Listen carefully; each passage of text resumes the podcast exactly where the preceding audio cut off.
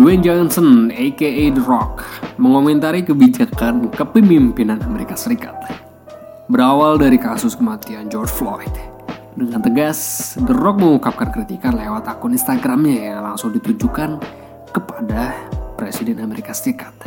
The Rock merasa gerah karena kebijakan Presiden Amerika Serikat yang mulai mengerahkan militer untuk mengatasi gelombang demonstrasi terkait kasus rasisme yang menewaskan warga negara Amerika keturunan Afrika.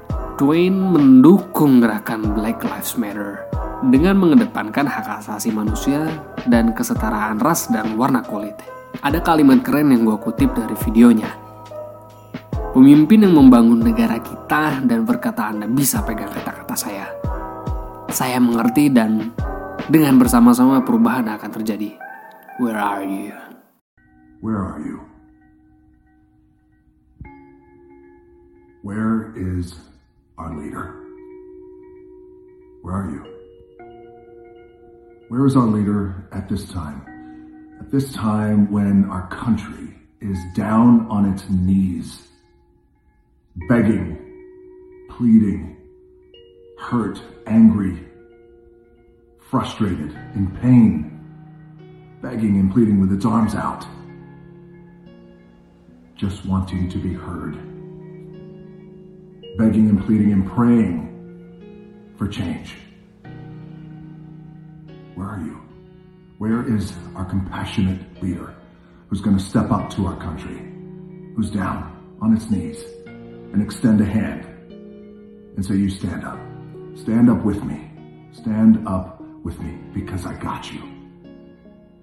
I got you. I got you I hear you. I'm listening to you. And you have my word that I'm going to do everything in my power and, and, until my dying day, my last breath, to do everything I can to create the change that is needed to normalize equality because black lives matter.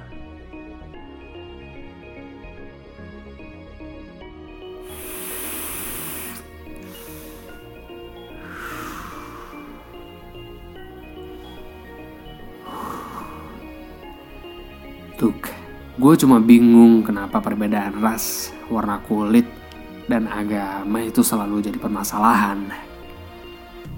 Dari zaman jebot udah ada. Siapa sih pelopornya? Kita lahir ke dunia dari sumber yang sama.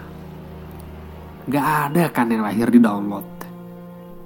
Kita makan juga sedari sumber yang sama. Kita nangis, kita ketawa. Terus kenapa kita nggak bisa bahagia bersama gitu loh? Apa pun bentuk kita, ya kita tetap manusia. Gak ada yang beda dari kita. Semua sama. Mana coba hati nuraninya dipakai? Ampun gue asli. Gue cuma berharap semoga perseteruan ini cepat selesai. Semua berdamai, adem ayam lagi. Kasihan anak cucu kita nanti ngebaca sejarah isinya cuma sedih-sedih doang. Cuma konflik-konflik doang. Kasihan anak cucu kita kalau nanya. Kayak pas 2020 kaki ngapain? Lu mau jawab joget-joget TikTok? Ya kan lucu. Kita butuh perubahan.